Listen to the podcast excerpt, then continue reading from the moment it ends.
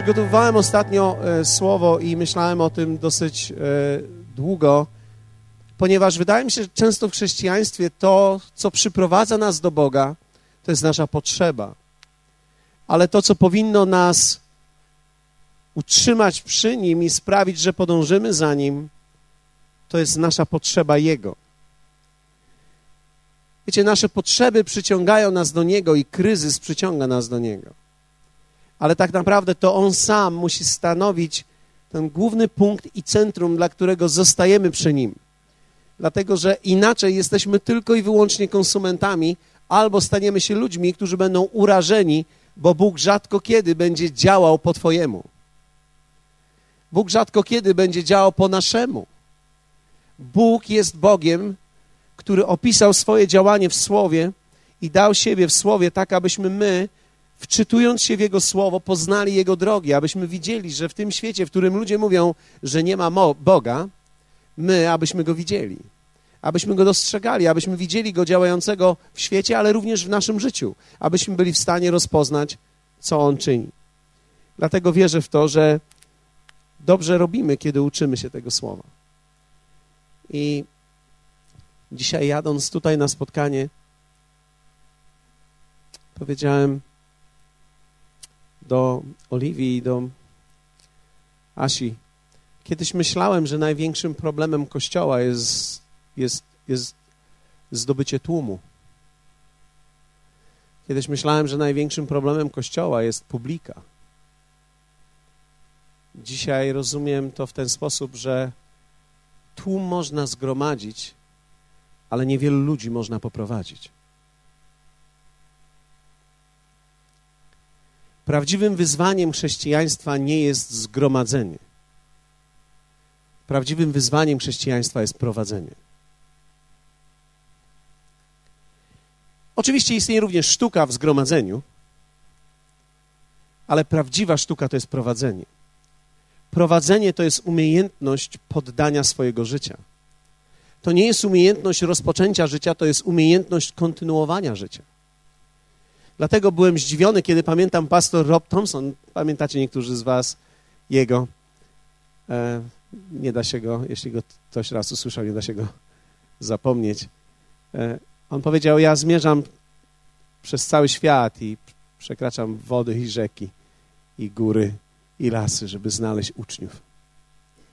Bo na stadionach często i na różnych, w różnych audytoriach, gdzie zgromadzonych jest mnóstwo ludzi, patrzę po twarzach i widzę kilku uczniów. Tylko kilku. Dlatego, że zgromadzenie nie jest wyzwaniem, prowadzenie jest wyzwaniem, a prowadzenie to jest samo poddanie, bo nie istnieje nic innego w chrześcijaństwie, jak tylko same poddanie. Żaden drugi człowiek nigdy nie zmusi drugiego do poddania. Można człowieka poniżyć, ale nie można sprawić, żeby się poddał. Prawdziwe poddanie jest wynikiem woli i zrozumienia. Inaczej się nie da. Dlatego też jestem, e, z jednej strony byłem kiedyś zdziwiony, dzisiaj już rozumiem to, że nie wszystko to, co dobrze wygląda na początku, będzie dobrze wyglądało przez cały czas. Czasami wygląda tak, że są ludzie hałaśliwi, robią bardzo wiele rzeczy, ale po dwóch, trzech latach już ich nie ma. Dlaczego? Nie dlatego, że gdzieś pojechali, ale dlatego, że przestali być uczniami. Dlatego, że uczniostwo jest to ciągłe poddanie i umiejętność trwania w słowie, ciągłe rozkochiwanie się w Bogu i poznawanie tego, którego poznać się za życia nie da. I jeśli ktoś myśli, że go zna,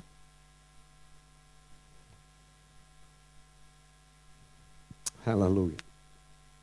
Więc dzisiaj chciałbym podzielić się z Wami kilkoma myślami, ponieważ często widzimy Boga jako Boga, który nas leczy i On jest Bogiem uleczenia naszego życia. Kto z Was pamięta, że w ostatnich miesiącach mówiliśmy, już w zasadzie nie tygodniach, ale miesiącach, mówiliśmy o uleczeniu duszy.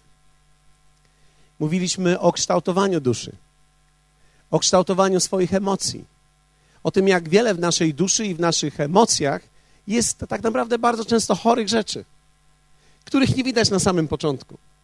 Dlatego piękno, które dostrzegamy w Bogu, to jest takie, kiedy miałbym dzisiaj powiedzieć do prawdziwych uczniów, a myślę, że jest ich dzisiaj kilku tutaj, pozwólcie, że powiem wam tak.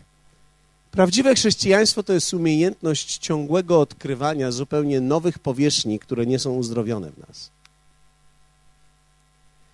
Czyli w prawdziwym uczniostwie wygląda to tak, że im lepiej, tym gorzej. Albo im gorzej, tym lepiej. Inaczej mówiąc, ludzie, którzy doświadczają Boga w jakiś sposób, w jakiejś sferze i, i, i myślą, że to już jest wszystko, nagle odkrywają kolejną część swojej duszy, która wymaga uzdrowienia, która wymaga przemiany, która wymaga dotknięcia Bożego i zmagają się z tym, ponieważ nie chcą, aby ten nieporządek, ten, ta dysharmonia, ta dysfunkcja była w ich życiu, bo ją rozpoznają. I w ten sposób stają się coraz bardziej podobni do obrazu Syna Jego. List do Rzymian, ósmy rozdział.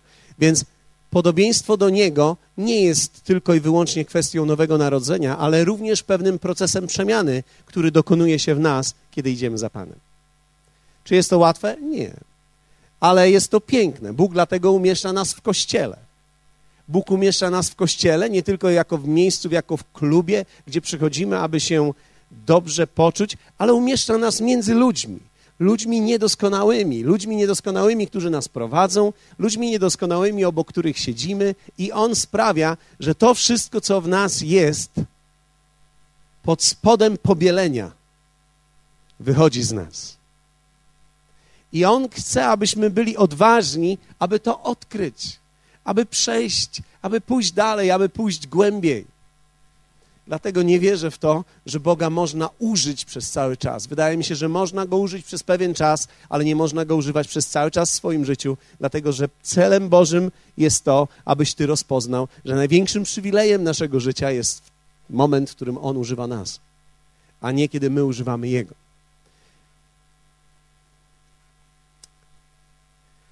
Podoba mi się ten szturm, hallelujah, dzisiaj, ale rozumiem, rozumiem. E, dlatego wiecie, kiedy, kiedy usiadłem niedawno, miałem okazję z kimś rozmawiać, e, usiadłem niedawno i słyszę, i ktoś mówi do mnie, ale jest świetnie, naprawdę chrześcijaństwo działa. Odkąd przyszedłem, wszystko idzie mi wspaniale i Bóg wysłuchuje mnie w każdej dziedzinie. Fantastyczne. Ja patrzę na tego człowieka i myślę sobie, zabić go teraz, czy pozwolić, żeby go okoliczności zabiły? Dlatego, że chrześcijaństwo nie polega na tym, że wszystko ci się układa i Bóg tak naprawdę za każdym razem, kiedy ty poprosisz, On odpowie. Gdyby tak było, nazywałby się Coca-Cola Machine. I to jeszcze nie zawsze, ponieważ tak naprawdę Coca-Cola czasami zjada pieniądze. To chyba trzeba będzie wyciąć, bo Coca-Cola może jeszcze mnie posądzić o pewne rzeczy, ale są maszyny niedoskonałe. Ktoś z was kiedyś miał zjedzoną złotówkę albo dwie? Zdarza się. Więc nie ma czegoś takiego jak łatwe, owocne życie. Nie istnieje. Nie ma łatwego, owocnego życia. Owocne życie to zawsze presja. Owocne życie to zawsze rodzaj cierpienia. Owocne życie to jest umiejętność rozumienia i radowania się tym, że cierpiąc i umierając dla siebie, przynoszę zysk dla Królestwa Bożego, ponieważ nie moja wola, ale Jego wola się wypełnia. To są największe słowa, jakie mogą paść od syna i od ucznia. Nie moja, ale Twoja wola. I to nie są słowa tylko jednego syna, ale to są słowa wielu synów, którzy po nim przyszli. Nie moja, ale Twoja wola. Czyli krew i pot. Niedawno zapytałem jednego z moich pastorów, kiedy to się skończy? Czy można jakoś od tego odpocząć? A on odpowiedział do mnie, tak, gdy umrzesz i pójdziesz do nieba. Okej, okay, dziękuję, w takim razie na razie się nie piszę. E, chciałbym tutaj pozostać. Więc nie ma czegoś takiego jak łatwe, owocne życie. Powiedzmy razem, nie ma. Okej, okay. mam nadzieję, że to świadomość dotrze do nas pomału. Nie ma czegoś takiego jak łatwe, owocne życie. Każdy owoc jest w pewnym sensie w życiu przeciskany i wytwarzany. Dobrze, więc dzisiaj powiemy o owocach dalszego kształtowania siebie. Mówiliśmy o kształtowaniu duszy, o duchu, duszy i ciele. Mówiliśmy o naszej duszy i o emocjach, o naszej woli, o naszych pragnieniach. Mówiliśmy o tym parę miesięcy temu, a może parę tygodni, jak rozróżnić zachcianki od prawdziwych pragnień Bożych A dzisiaj powiemy troszeczkę dalej i rozłożymy fragment z listu do Hebrajczyków 12 rozdziału. Rozłożymy go na czynniki pierwsze na tyle, na ile nam się uda, w te parę minut, które nam dzisiaj zostało, i będziemy mówić o tym, jak być lekarzem samego siebie. Jak być lekarzem samego siebie. Za chwilę dotrę również do tego, dlaczego taki tytuł wybrałem, ale on ma sens. Natomiast w tej chwili przeczytajmy ten fragment. Hebrajczyków 12, wersety 12 do 16. Zachęcam Was, kiedy mamy słowo, spotkanie ze słowem, przyjdźcie z Biblią, abyście mogli to zobaczyć, gdyż mając tutaj na tej sali, nie mamy tutaj fragmentów jeszcze, bo nie dorobiliśmy się jeszcze kilku komputerów, ale pewnego dnia, kiedy się służby techniczne nawrócą i ludzie pozostali, którzy muszą, kupimy to wszystko, co jest potrzebne. Dobrze? Hallelujah. Ale póki co mamy też Biblię i dobrze jest otwierać ją i wiedzieć, gdzie coś jest napisane. List do Hebrajczyków 12, 12, 16. Dlatego omdlałe, opadłe ręce i omdlałe kolana znowu prostujcie. Znowu wyprostujcie i prostujcie ścieżki dla nóg swoich, aby to, co chrome, nie zboczyło, ale raczej uzdrowione zostało. Dążcie do pokoju ze wszystkimi i do uświęcenia, bez którego nikt nie ujrzy Pana, bacząc, żeby nikt nie pozostał z dala od łaski Bożej, żeby jakiś gorzki korzeń rosnący w górę nie wyrządził szkody i żeby przezeń nie pokalało się wielu. Żeby nikt nie był rozpustny lub lekkomyślny jak Ezaf, który za jedną potrawę sprzedał pierworództwo swoje. Tak? Mamy ten tekst? Okej. Okay. Wiecie, list do Hebrajczyków jest szczególnym listem. Jest nieznany autor tego listu i oczywiście my wiemy o tym, że prawdopodobnie był to ktoś z otoczenia apostoła Pawła. Dlatego, że sposób pisania, jego ro rodzaj retoryki i myśli, które są zawarte, można również odczytać w innych listach apostoła Pawła. W związku z tym, kiedy patrzymy na ten tekst, list do Hebrajczyków znany jest przez wielu ludzi jako list wiary. Dlatego, że często cytuje się rozdział 11, wersety pierwsze, werset szósty i pozostałe, gdzie mamy bohaterów wiary. Więc kiedy patrzymy na list do Hebrajczyków, oczywiście e, nie będę robił teraz całej egzegezy tego tekstu, ale kiedy spojrzymy, tak naprawdę on mówi o Nowym Przymierzu, o tym, w jaki sposób wchodzimy w to nowe przymierze. On mówi o tym, jak wygląda wzrost chrześcijański. Rozdziały e, szóste, rozdział szósty, siódmy i ósmy mówią o tym, w jaki sposób wygląda uczniostwo i w jaki sposób wygląda prawidłowy, e, prawidłowy wzrost. I później mamy wersety dziewiąte, które mówią o świątyni, o chodzeniu w duchu, o chodzeniu w wierze i wers, rozdziały e, dziesiąty, jedenasty, dwunasty to są rozdziały wiary, gdzie czytamy o wielkich bohaterach wiary i o substancji wiary i o sposobie życia w wierze jako o sposobie życia w duchu. I końcówkę rozdziału 12 mamy właśnie taką. Czyli po tych wszystkich rozdziałach autor mówi, dlatego opadłe ręce i omdlałe kolana znowu wyprostujcie. Dlatego. Dlaczego? No to wszystko, co zostało powiedziane, dlatego Dlatego, że rozdział 12 również jest rozdziałem o karceniu i o korekcie. To nie są piękne teksty, które czytamy, oczywiście one są ważne, ale często, gdy czytamy je, nie lubimy tych tekstów, ponieważ to są teksty typu kogo ojciec kocha, tego i karci. I kiedy mówimy o karceniu Bożym, nie mówimy o tym, że On cię smaga chorobą albo tym, że zostaniesz zwolniony z pracy. Bóg w taki sposób nie karci. Bóg karci nas słowem. Bóg mówi do nas słowo. Dlatego z jedną z największych rzeczy, które możesz przejść w życiu i powinieneś umieć przejść, to jest korekta, która płynie do ciebie z góry. Korekta jednak, która płynie do nas z góry, jest nagrodą i definicją synostwa. Czyli w momencie, kiedy człowiek jest karcony, oznacza, że jeszcze jesteś synem albo córką. Kiedy już nie jesteś karcony, to znaczy, że coś się skończyło. Odpowiem na to po.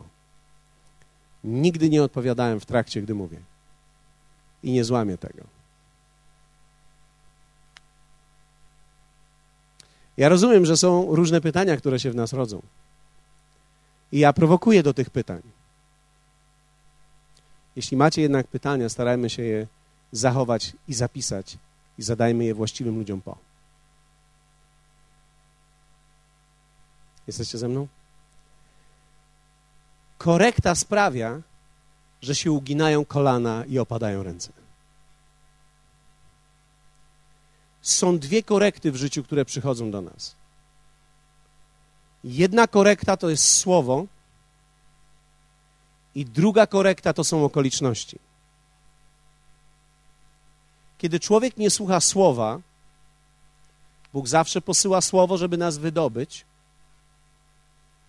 ale kiedy człowiek nie słucha słowa, przyjdzie konsekwencja tego, że nie posłuchał słowa, ponieważ Bóg nie cofnie planów, dlatego że ktoś się zagapił.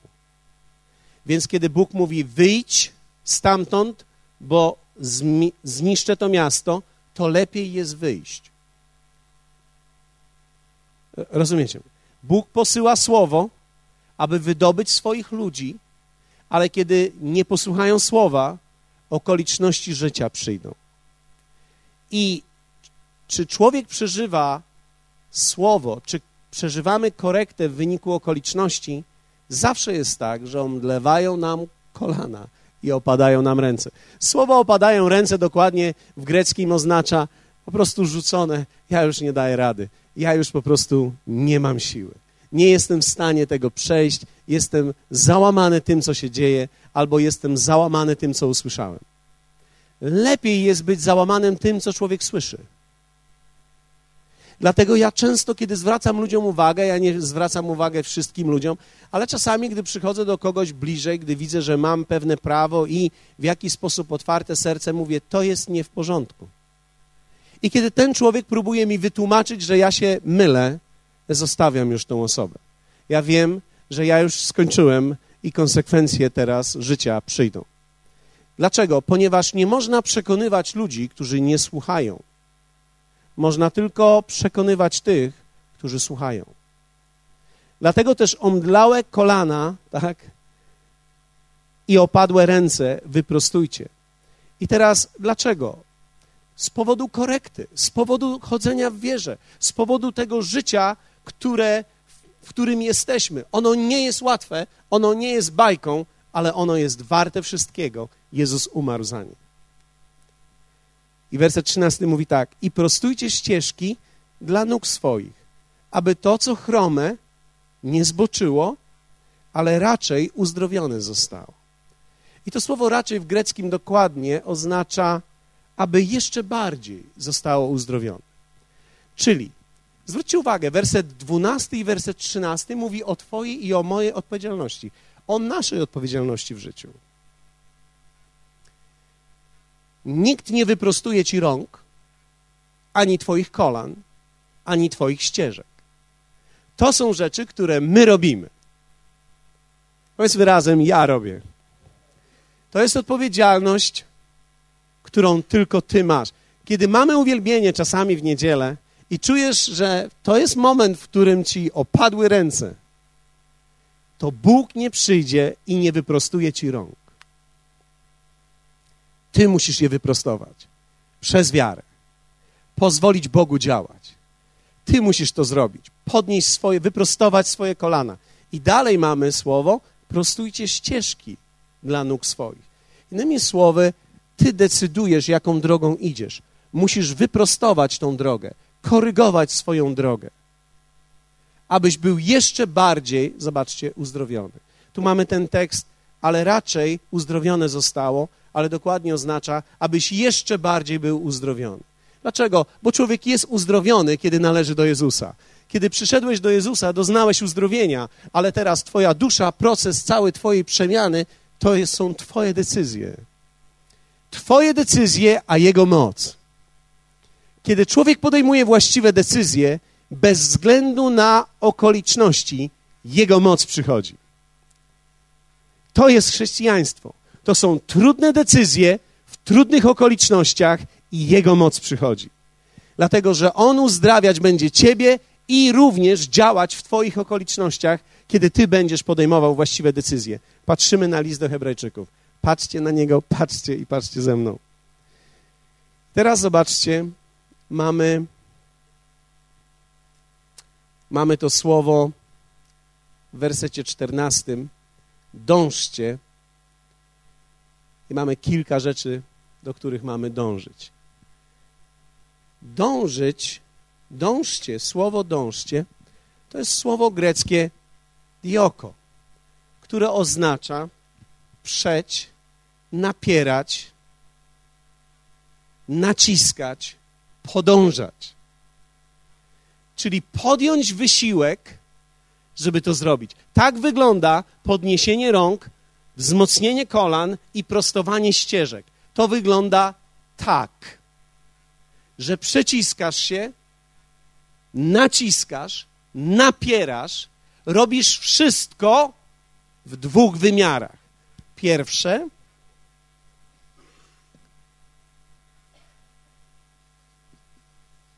życie z innymi ludźmi.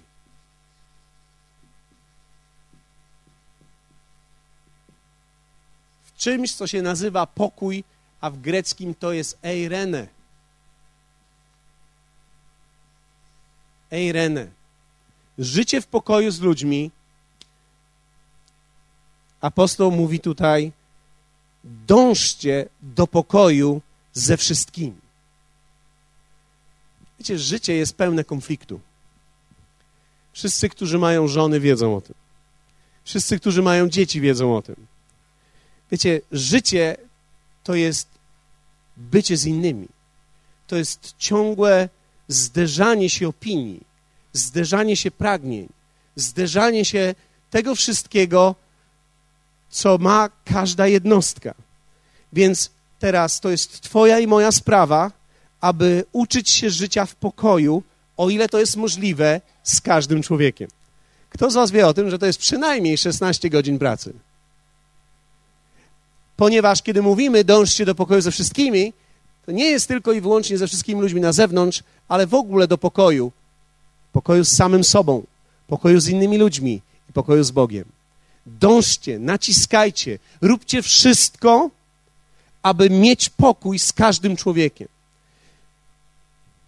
Wierzcie mi, to jest bardzo trudne, dlatego że ludzie są różni i są opinie różne, i ludzie nas dotykają, i ludzie czasami nas ranią, i to jest nasza sprawa, aby żyć z nimi w pokoju. Dlatego musisz szybko przebaczać.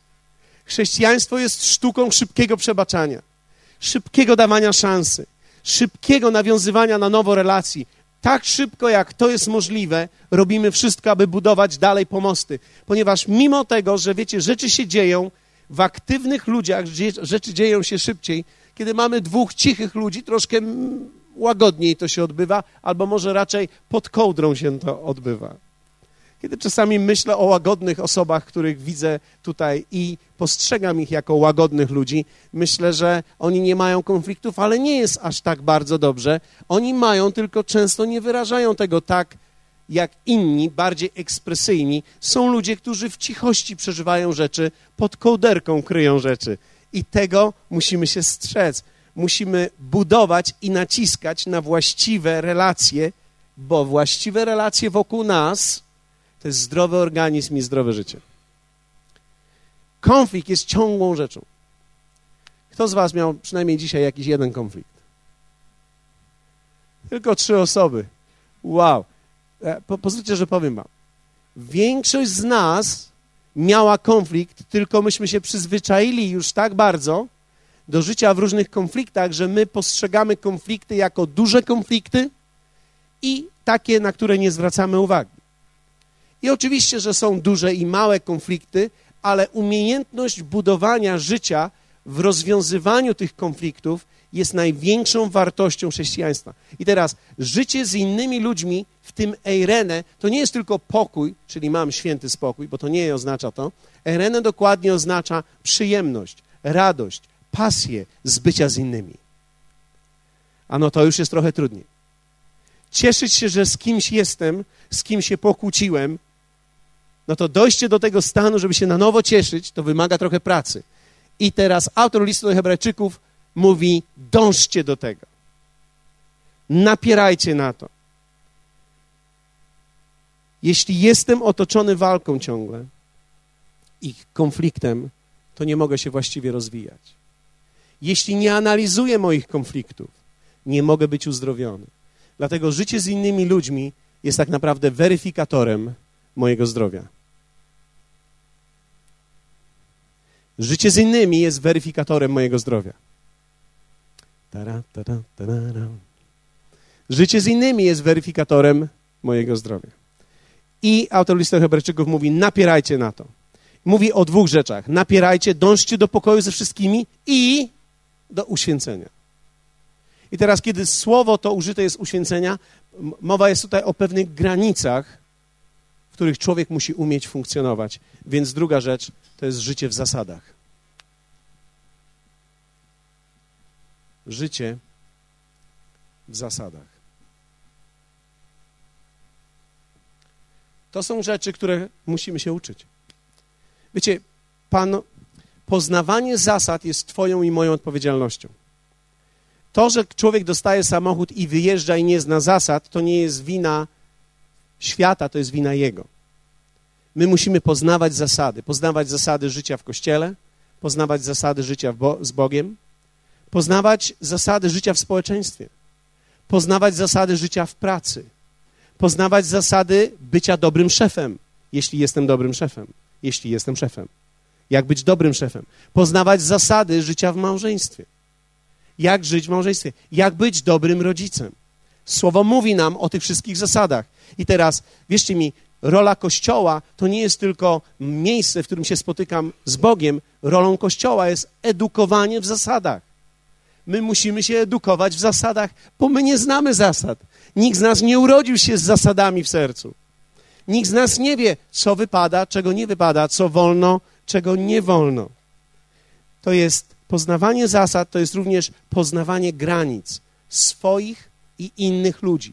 Umiejętność poznawania, w jakich granicach mogę się poruszać, a w jakich jest już za daleko. Ja celowo nie podaję w tej chwili przykładów, dlatego że chciałbym je podać mm, pod koniec, aby pokazać Wam, kiedy już zobaczę, że zdążyliśmy. Dlatego, że życie w zasadach to jest umiejętność funkcjonowania w ogóle w życiu. Posłuchajcie mnie. Wszędzie tam, gdzie są łamane zasady, nie będzie szczęścia. Gdy są łamane zasady w małżeństwie, nie będzie szczęścia. I kiedy mówię szczęście, nie mam na myśli, że nie będzie ci przyjemnie. Ja mam na myśli, że nie będziesz szczęśliwy. Jeśli człowiek nie zna zasad finansowych, nie będzie miał finansów. Brak finansów nie jest wynikiem mieszkania w danym kraju. Jest wynikiem nierozumienia zasad. Nie spotkałem jednak wielu ludzi, którzy są zdolni przyznać się do tego. Do dzisiaj ludzie obwiniają komunę. Prawda jest taka, że ona wpłynęła na społeczeństwo. Ale to nie jest komuny wina, że myśmy się nie, edu nie edukowali. Dlatego, że nawet za czasów komuny Biblia była dostępna. Nie była tak powszechna, ale była dostępna. Każdy człowiek, kto weźmie to słowo, może nauczyć się wszystkich zasad, wszystkich dotyczących całego życia. Są zasady życia, są zasady współżycia, są zasady dobrego prowadzenia biznesu, są zasady w relacjach, są zasady w relacjach przyjaźni. Wszędzie tam, gdzie jest porażka, jest złamana zasada. I najczęściej my ją łamiemy. Mamy tu jeszcze kilku uczniów dzisiaj? Posłuchajcie mnie. Ja wcale nie powiedziałem, że to, co mówię, podoba mi się. Ja chcę tylko powiedzieć, że to jest prawdą. Sam nie lubię tego tekstu, ale on jest prawdziwy. A nie chciałbym wam opowiadać o bajce jakiejś, tylko o czymś, co naprawdę działa i jest prawdziwym Chrystusem. Gwarantuję ci, że jeśli będziesz edukował siebie i swoją duszę według Słowa Bożego w jakiejkolwiek dziedzinie życia, odniesiesz w niej sukces. Gwarantuję ci. Gwarantuję ci. Ktoś może powiedzieć, nie, to jest niemożliwe, ponieważ ja już tyle razy próbowałem. Okej, okay. Ty możesz wierzyć w cokolwiek chcesz. Ja ci tylko mówię, że gwarantowane to jest i ja ci to gwarantuję, ale to jest nic. Boże Słowo nam to gwarantuje. Słowo mówi, że jeśli będziesz pilnie słuchał i będziesz posłuszny, powiedzie ci się. Dlatego, że zasady Boże będą decydowały w Twoim życiu w konsekwencji o Twoich ruchach. I za każdym razem, kiedy właściwie będziesz działał, będziesz zbierał to, z czym to słowo zostało wysłane. Inaczej mówiąc, Bóg zawsze będzie wierny swojemu słowu.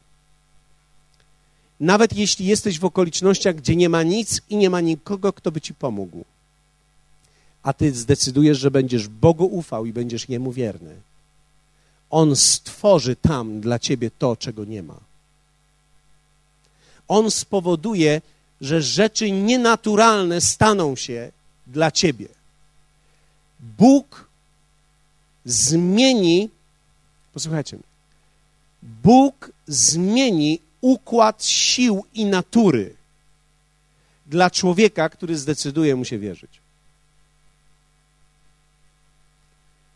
Tak jak jeden z proroków, do którego Bóg powiedział: idź na potok, a tam będę cię karmił. I on tam poszedł i nie szukał niczego, bo Bóg powiedział, że będzie go karmił.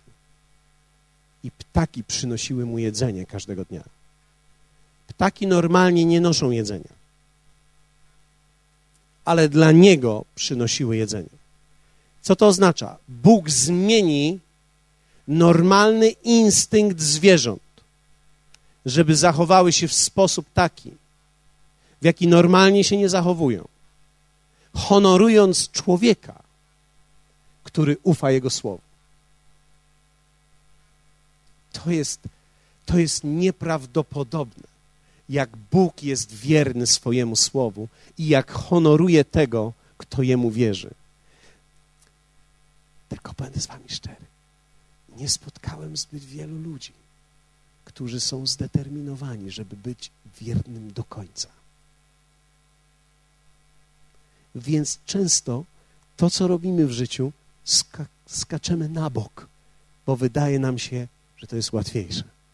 I to, co wygląda na łatwiejsze często, jest pułapką. Jest pułapką. Ok? Życie w zasadach.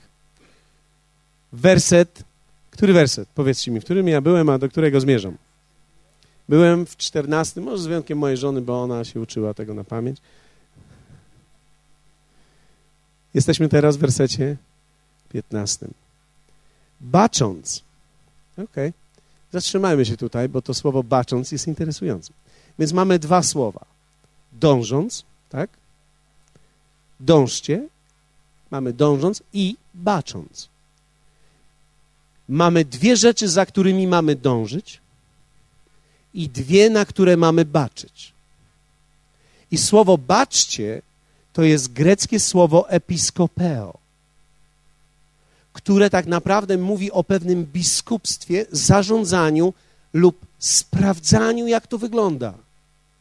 Czyli ja sam jestem detektywem, biskupem mojego własnego terytorium, sprawdzając ciągle, jak to wygląda. Ja poddaję to badaniom. Troszeczkę przypomina mi to senatorium. Ja nigdy nie byłem w senatorium, ale słyszałem, że kiedy człowiek jedzie do senatorium, to ma tam badania, jak również ma pewne ćwiczenia. Dają mu różne aktywności, które mają poprawić jego stan, jak również badają to, co w nim jest. Czyli dokładnie robią te dwie rzeczy, o których tutaj jest mowa. Poprawiając stan człowieka, poprawiając stan człowieka, senatorium tak naprawdę nie uleczy człowieka, ale sprawi, że człowiek poprzez swoją aktywność i swoje działanie sam wchodzi w proces własnego uzdrowienia. Staje się lekarzem samego siebie poprzez to, że wie, jaki jest jego stan i co ma z tym zrobić i pobudzając w nim pewną aktywność, która ma go doprowadzić do wyzdrowienia. Czyli nagle się mówi, proszę pana, proszę tak już więcej nie siadać, ani tak więcej nie dźwigać, trzeba się schylać tak i trzeba robić takie ćwiczenia, to będzie dla, dobre dla pana a jeszcze Pana stan jest taki, więc dobrze, jak Pan jeszcze pochodzi sobie 30 minut dziennie i to jeszcze w dobrym tempie. I teraz my wiemy, co mamy robić, więc wiemy, do czego mamy dążyć, ale również powinniśmy wiedzieć, co sprawdzać. Episkopeo dokładnie to jest bacząc, czyli człowiek staje się biskupem swojej własnej duszy, swojego własnego życia. Jak wam się to podoba? Kto z was kiedykolwiek chciał być biskupem? Biblia mówi, że kto biskupstwa się domaga, dobrej pracy pragnie. I to jest dokładnie to, że człowiek może być biskupem swojej własnej duszy. Człowiek może być biskupem tego miejsca, sprawdza to, co się dzieje w poszczególnych parafiach mojej własnej duszy i co muszę sprawdzić i co, co, muszę jako biskup własnej duszy doglądać. Bacząc, żeby nikt nie pozostał z dala od łaski Bożej, żeby jakiś gorzki korzeń rosnący w górę nie wyrządził szkody i żeby przeze nie pokalało się wielu, żeby nikt nie był rozpustny lub lekkomyślny jak Ezaf, który za jedną potrawę sprzedał pierworództwo swoje. Więc pierwsza rzecz, o której mówi tutaj słowo, to jest o korzeniu, zgorzknienia Dokładnie życie w urazie. Życie w urazie. To jest coś, co ja muszę sprawdzać, czy tego nie mam. W tą niedzielę będę mówił o pokonaniu urazy, więc powiem bardzo szeroko i będziemy modlili się o to, ale będę mówił o specyficznych okolicznościach związanych z urazą. Natomiast tutaj szczególnie mowa jest o zrozumieniu tego, co o ta tak naprawdę uraza robi. Dlatego, że tu jest napisane, żeby jakiś gorzki korzeń rosnący w górę. W greckim tekście dokładnie jest korzeń trujący, ale tak naprawdę chodzi tutaj o pewien zbiornik trucizny, który gromadzi się wewnątrz człowieka i który w sytuacjach różnych wpompowuje do systemu truciznę. Człowiek musi mieć w sobie, w swoim organizmie miejsce, w którym rzeczy się oczyszczają. Jak wielu z Was cieszy się z własnego oczyszczania?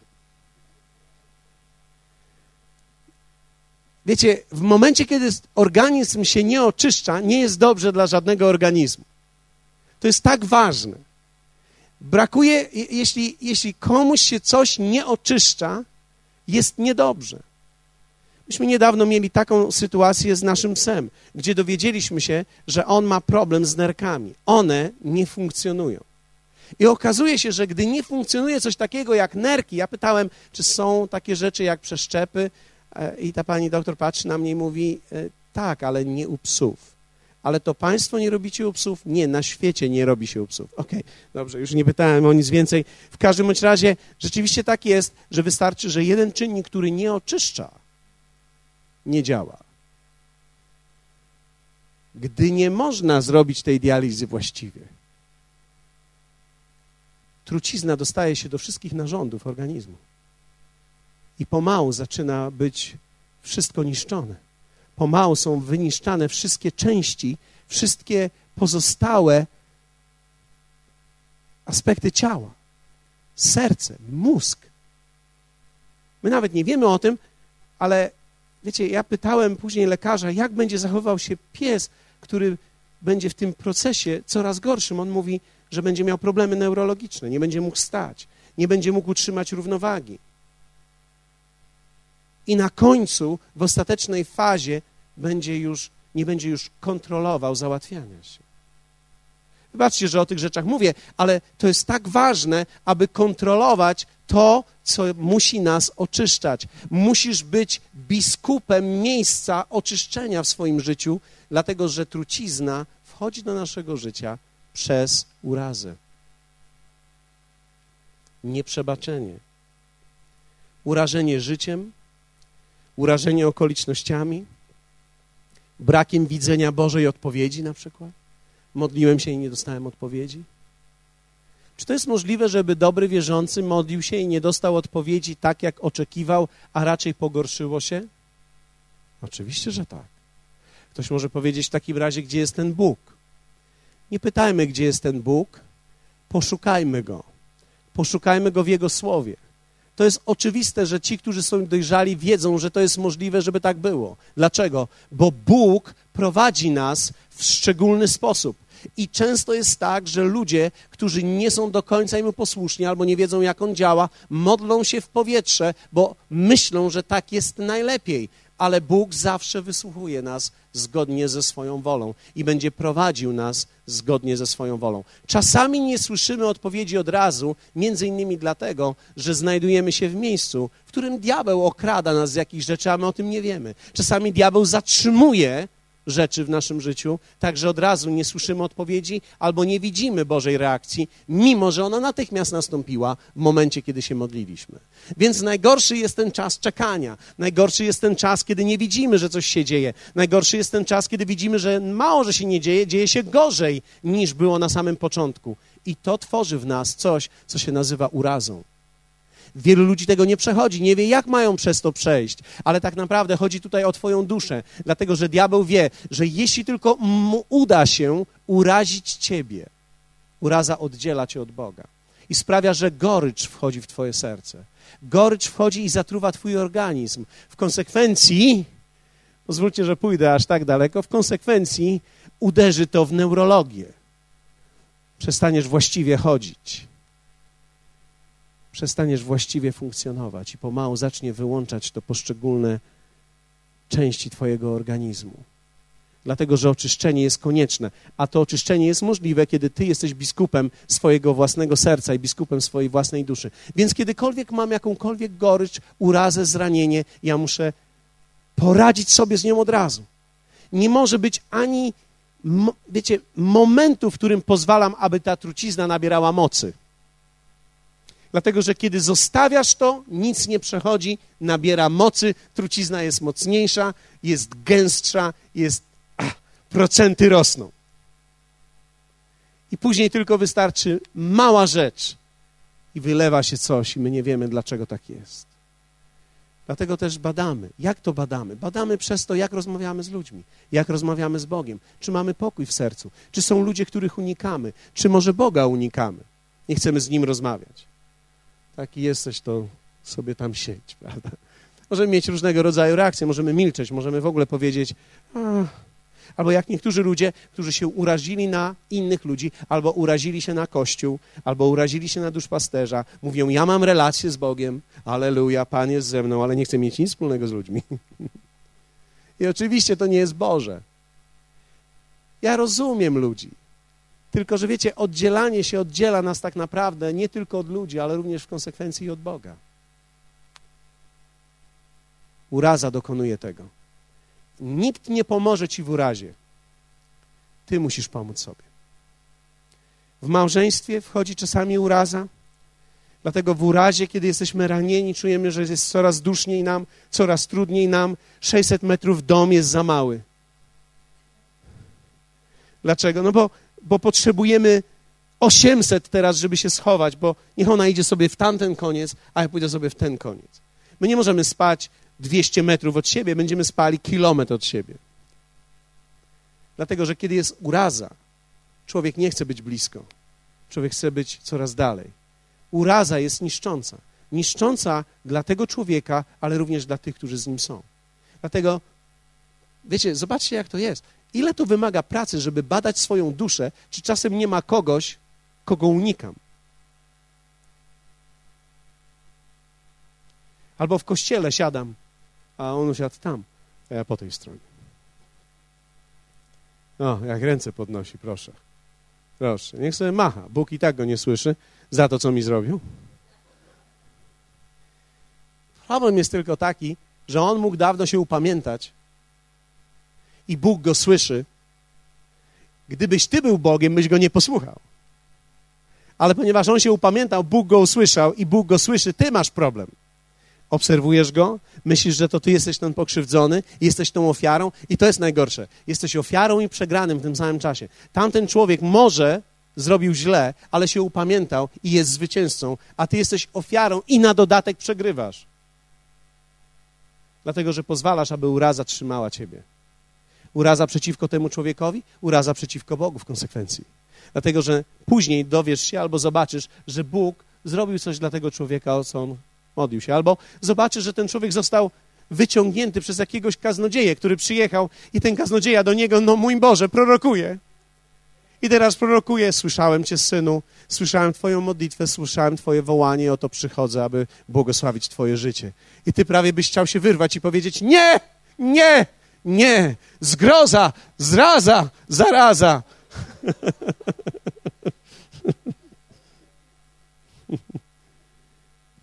Wiecie, mnóstwo jest goryczy. Mamy goryczy, gorycz względem sąsiadów jakiś? Ten sąsiad to zawsze trzaska drzwiami, jak mnie widzi. No ja też trzasnę mu drzwiami. Albo, wiecie, robimy różne rzeczy. Ludzie żyją naprawdę w taki sposób bardzo trudny. W domu, w mieszkaniach, na klatkach schodowych, w różnych miejscach można sobie dokuczać nawzajem. Zranienie, uraza jest częścią naszego życia i to my musimy sobie poradzić. Bo, ponieważ inni ludzie, inni ludzie tylko doświadczą naszej urazy, ale nigdy jej nie uleczą. Ja mogę uleczyć urazę. Powiem o tym w niedzielę. Ale stężona trucizna przenika do całego organizmu i tu w greckim jest toksyczna myśl, toksyczne myśli, toksyczne słowa, dzielenie się toksyną. Ciekawe jest to, że można dzielić się trucizną. Czyli ja mogę podejść do tego pana tutaj i nieco udzielić mu swojej trucizny. Więc teraz, ponieważ ja mam truciznę względem tego pana, to teraz ja udzielam jemu mojej trucizny i on patrząc teraz na niego, już widzi go moimi oczami. Zbudowaliśmy bandę, zbudowaliśmy koalicję, zbudowaliśmy. Tak się buduje w rodzinach koalicję. Ty jesteś ze mną, jesteś po mojej stronie? No. Pamiętaj, żebyś był ze mną po mojej stronie. Ja ci jeszcze mogę powiedzieć parę pra prawdziwych rzeczy. I wiecie, i problem jest tylko taki, że każdy człowiek ma rację ze swojego punktu widzenia. Kto jednak postawi się w roli Boga, aby osądzać? Dlatego też Bóg daje nam coś tak pięknego jak przebaczenie. Nie pozwól, aby to było w Twojej duszy. Jak wielu z Was chce być zdrowymi, pragniecie, aby Bóg uzdrawiał Was i chcecie sami być zdrowi. To są te dwie rzeczy. Dążcie do pokoju z innymi ludźmi, uczmy się zasad i sprawdzajmy, jak biskupi przeglądają parafię, naszą urazę. Dlatego, że ten korzeń, który rośnie, aby nie wyrządził szkody i żeby przezeń nie pokalało się wielu. Czyli ja nie tylko zaczynam sam mieć problem, gdy ja mam problem, wszyscy mają problem. Nie tylko ja mam problem, wszyscy wokół mnie mają problem. Tak jest. Kiedy człowiek choruje, wszyscy wokół niego będą chorowali. I czwarta rzecz, o której tutaj mówi list do Hebrajczyków i apostoł, który pisał to, bacząc, żeby nikt nie pozostał z dala od łaski Bożej, o tym korzeniu, werset 16, żeby nikt nie był rozpustny lub lekkomyślny jak Ezaf, który za jedną potrawę sprzedał pierwórstwo swoje. Nie mam czasu, żeby opowiedzieć wam o Ezawie, ale Ezaf był bardzo szczególnym człowiekiem. Kto z was pamięta to słowo, to imię Ezaf? Mamy Ezawa i jego brata Jakuba. Ezaf sprzedał swoje pierworództwo. Dokładnie te słowa greckie oznaczają tak. Żeby nikt nie był rozpustny, mamy tu słowo pornos, i mamy drugie słowo lekkomyślny, bebelos. Też brzmi źle, prawda? Tak sobie pomyślałem, że pornos to my wiemy, że źle brzmi, ale bebelos, no to tak jakoś też w tej kategorii słów. W tej kategorii słów, bebelos. I teraz, kiedy mowa jest pornos, to jest wszelki rodzaj seksualnej aktywności poza przymierzem, związkiem małżeńskim, albo oddanie się przyjemnościom bez odpowiedzialności. Czyli teraz czwarty punkt to jest życie w kompromisie. To są rzeczy, na które my musimy baczyć. To są rzeczy, których nikt nam nie jest w stanie powiedzieć. Ja nie jestem w stanie przyjść do Oliwii i powiedzieć, wiesz co, Oliwia, żyjesz w kompromisie. Dlatego, że już w tej chwili nie tylko będzie żyła w kompromisie, będzie żyła w urazie i będzie żyła w nienawiści i będzie żyła teraz w chęci zemsty. Więc ja w niej pobudzę parę innych elementów, nie tylko ten jeden. Oczywiście uwaga jest jakby jedną z rzeczy, którą mogę zrobić, szczególnie względem ludzi, za których jestem odpowiedzialny. Czyli kiedy jestem odpowiedzialny za moich przyjaciół, więc powinienem sugerować im czasami rzeczy, ale nie jestem w stanie komuś powiedzieć, to jak żyjesz, to kompromis. Dlaczego? Bo każdy człowiek stanie i powie, nieprawda, to nie jest kompromis. i zacznie swoją listę wytłumaczeń. Tak jest, bo. I wszystko to są racjonalne rzeczy. Nie jesteś w stanie się kłócić z tym. Kompromis bowiem jest kwestią serca. A nikt nie ma wglądu do serca, tylko Bóg i dany człowiek. I to jeszcze gdy Duch Święty ci to objawi. Dlatego my musimy stać się biskupami naszej własnej duszy, biskupami naszego własnego życia. To jest w jaki sposób? W Duchu Świętym przeglądamy to. Większość ludzi przegląda swoje życie i mówi tak, a nie ma nic z tym złego, nie mam żadnych problemów. To widać, że on nie pełni roli biskupa, tylko on jest najemnikiem. Bo biskup swojej duszy w Duchu Świętym, w mocy Ducha przegląda swoje życie i sprawdza. To nie chodzi o to, jaka jest moja opinia o mnie, chodzi o to, jaka jest Boża opinia o mnie. Więc nie chodzi o to, ty, czy, czy ja myślę, że jestem w porządku, no bo jeśli chodzi o mnie, no to ja myślę, że ja jestem w porządku. Kto z Was myśli, że jest w porządku? No ja myślę, że ja jestem w porządku. Problem tylko jest taki, gdy zapytam Boga, co on o tym myśli. I gdy zapytam już Boga, co on o tym myśli, i on mi powie, to ja nagle łykam powietrze.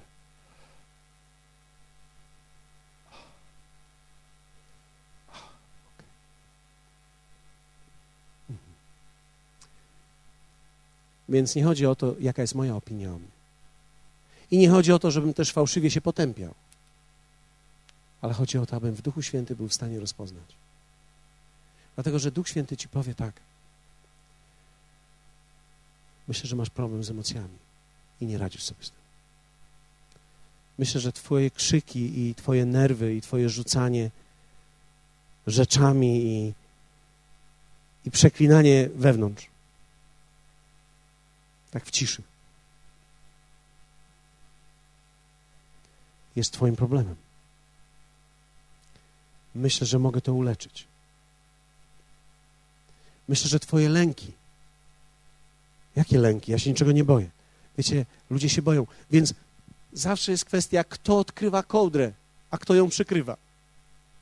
Dlatego, że Duch Święty nie pozwoli, abyś był zraniony i skrzywdzony i abyś żył w chorobie, ale On będzie chciał, abyś był częścią własnego uzdrowienia. On będzie chciał, abyś wyzdrowiał, więc On pcha nas w stronę pokoju z ludźmi, pcha nas w stronę poznawania zasad i mówi: badaj, bądź biskupem tych dwóch obszarów. Czy nie żyjesz w urazie i czy nie żyjesz w kompromisie. To słowo bebelos, też takie dziwne słowo. Powiedzmy razem bebelos. Od razu widać to słowo B, prawda? A to są dwa człony zresztą, które składa się z B i belos. Bebelos. Bebelos. Dokładnie oznacza belos, oznacza próg, granicę. Bebelos, przekraczanie granic, przekraczanie progu. I to nie na zewnątrz, wyjście, ale do środka. Czyli pozwalanie na przekraczanie ustalonych przez Boga granic w sobie. Przekraczanie kolejnych granic moralnych przekraczanie kolejnych granic społecznych, przekraczanie ciągłe granic, które sprawia, że człowiek zaczyna żyć coraz gorzej. Coraz mniej szanuje rzeczy. Przekraczam granice i zaczynam, przestaję szanować. Zaczynam żyć coraz niżej.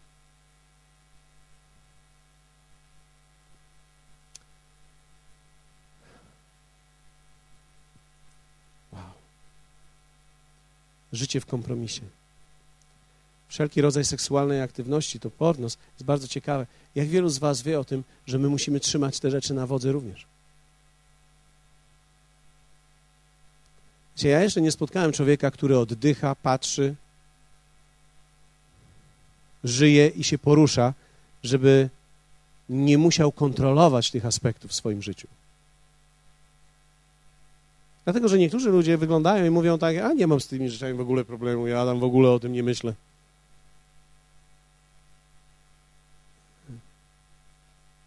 Ciekawe, gdzie żyjesz? Na jakiej planecie? Pozwól, że cię odwiedzę. Dlatego, że większość ludzi musi budować prawidłowe Boże granice w tych obszarach. Jeśli mam żonę, muszę budować prawidłowe granice, jeśli chodzi o inne kobiety. Opatrzenie na nie. Jeśli mam żonę, to nie jadę z żadną kobietą siedzącą obok mnie w samochodzie. Jeśli chcę, żebym ją podwiózł, to może być najwyżej 200 metrów i to jeszcze w bagażniku.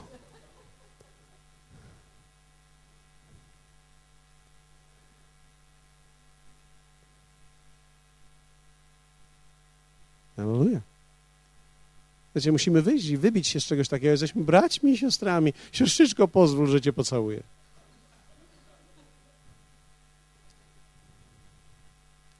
Może ona jest twoją siostrą, ale obok ciebie stoi twoja żona. No, nie stoi obok mnie. Tym bardziej się pilnuj. Dlatego, że jeśli twojej żony tu nie ma, to tym gorzej wygląda, gdy jesteś z kobietami. Nie możesz przekraczać pewnych granic, które Bóg ustawia. Mm? Faceci są nudni, a kobiety są wesołe. Przyprowadź swoją. Pokaż, jaką wesołą wybrałeś. Jesteście ze mną? Jesteście ze mną? I pozwalanie sobie na przekraczanie granic moralnych, czyli nawet na takie rzeczy jak no, przeklinam, ale nie aż tak ostro. Te słowa, wiesz, no, mm, mm, mm, to nie aż takie straszne. Te takie, wiesz, co na murach piszą, to już są takie gorsze, ale, ta, ale tego typu, no to taka jest norma. Widzisz, Chodzi o to, że przekraczasz w sobie pewne granice. Ja nie chcę ci powiedzieć, jakie są granice moralne, właściwe, społeczne. Ja chcę zapytać ciebie, w jakim momencie Duch Święty przestaje się czuć komfortowo w, two, w tobie i w twoich ustach?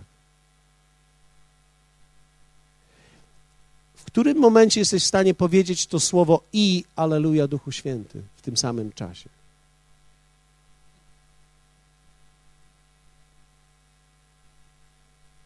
Jeśli te dwie rzeczy nie pasują, to z którejś musisz zrezygnować. Człowiek, który idzie na kompromis, zgadnijcie, z której rezygnuje. Z Ducha Świętego. I zaczyna żyć coraz niżej, coraz niżej, coraz niżej. Zatem mamy dwie rzeczy, za którymi musimy podążać. I dwie, których musimy stać się biskupami. Pierwsza rzecz, za którą musimy podążać, to pokój z innymi ludźmi. Druga, życie w zasadach Bożych. Biskupem mam być swojej duszy w jakich obszarach? Urazy. I drugie? Uraza i kompromis. Uraza i kompromis. Powiedzmy razem, uraza i kompromis. To są rzeczy, wiecie, to są rzeczy, których nikt mi nie powie. To są rzeczy tylko, które Duch Święty może mi objawić. I jeśli chcę być człowiekiem czystym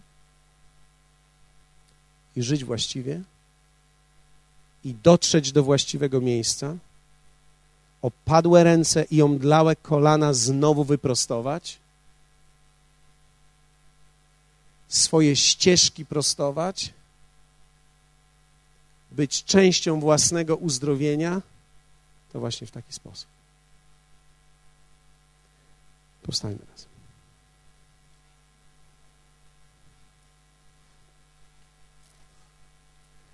Pamiętam, jak z kimś rozmawiałem i ktoś mi powiedział, no ale przecież okazja czyni złodzieja. Okazja czyni złodzieja.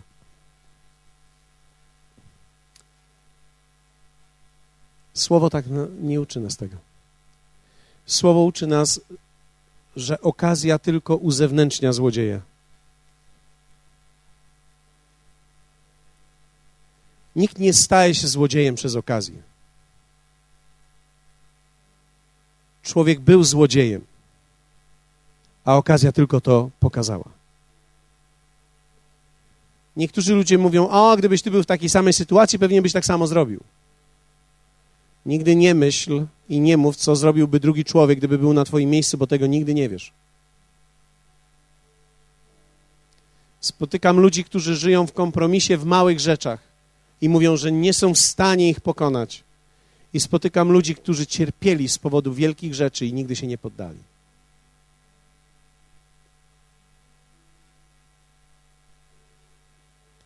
Są ludzie, którzy, gdy jest im tylko ciężko, myślą: Mój Boże, muszę coś zrobić ze sobą, muszę zadbać o swoje życie i próbują zadbać o swoje życie.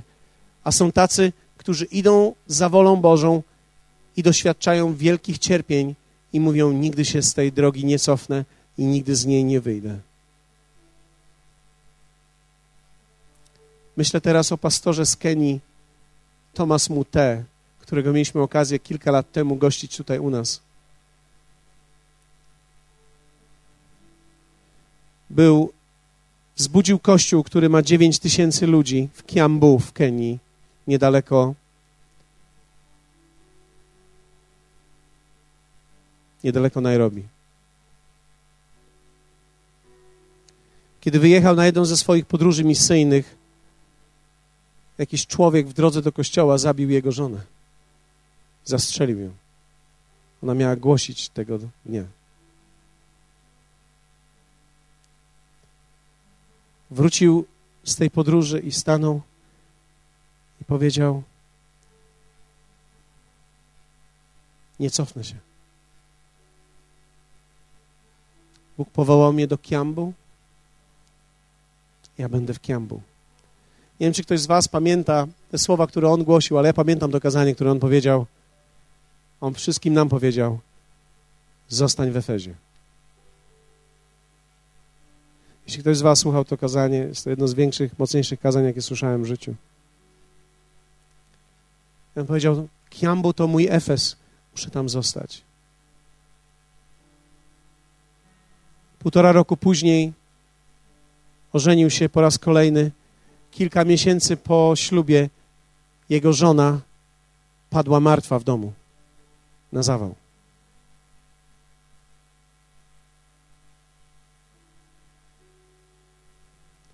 Zadawał wielokrotnie pytanie: Boże, co robię nie tak? I słyszał tylko jedno: Wszystko jest dobrze. Zostań w Kiambu. Idź dalej.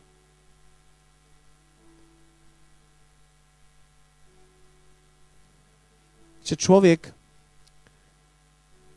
musi zatroszczyć się o swoją duszę, musi umieć podążyć za właściwymi rzeczami i musi zatroszczyć się o swoją duszę. Nie może żyć w urazie, nie może żyć w kompromisie, dlatego że w ten sposób niczego nie osiągnie. Jedyną rzecz, którą może zrobić, to jest podnieść swoje ręce i wyprostować swoje kolana i prostować swoje ścieżki. W taki sposób staje się częścią odpowiedzi dla innych ludzi i staje się również częścią uzdrowienia samego siebie. I wierzę w to, że dzisiejszego wieczoru Duch Święty przychodzi do Ciebie, aby uzdrawiać Twoją duszę. Wznieśmy nasze ręce teraz.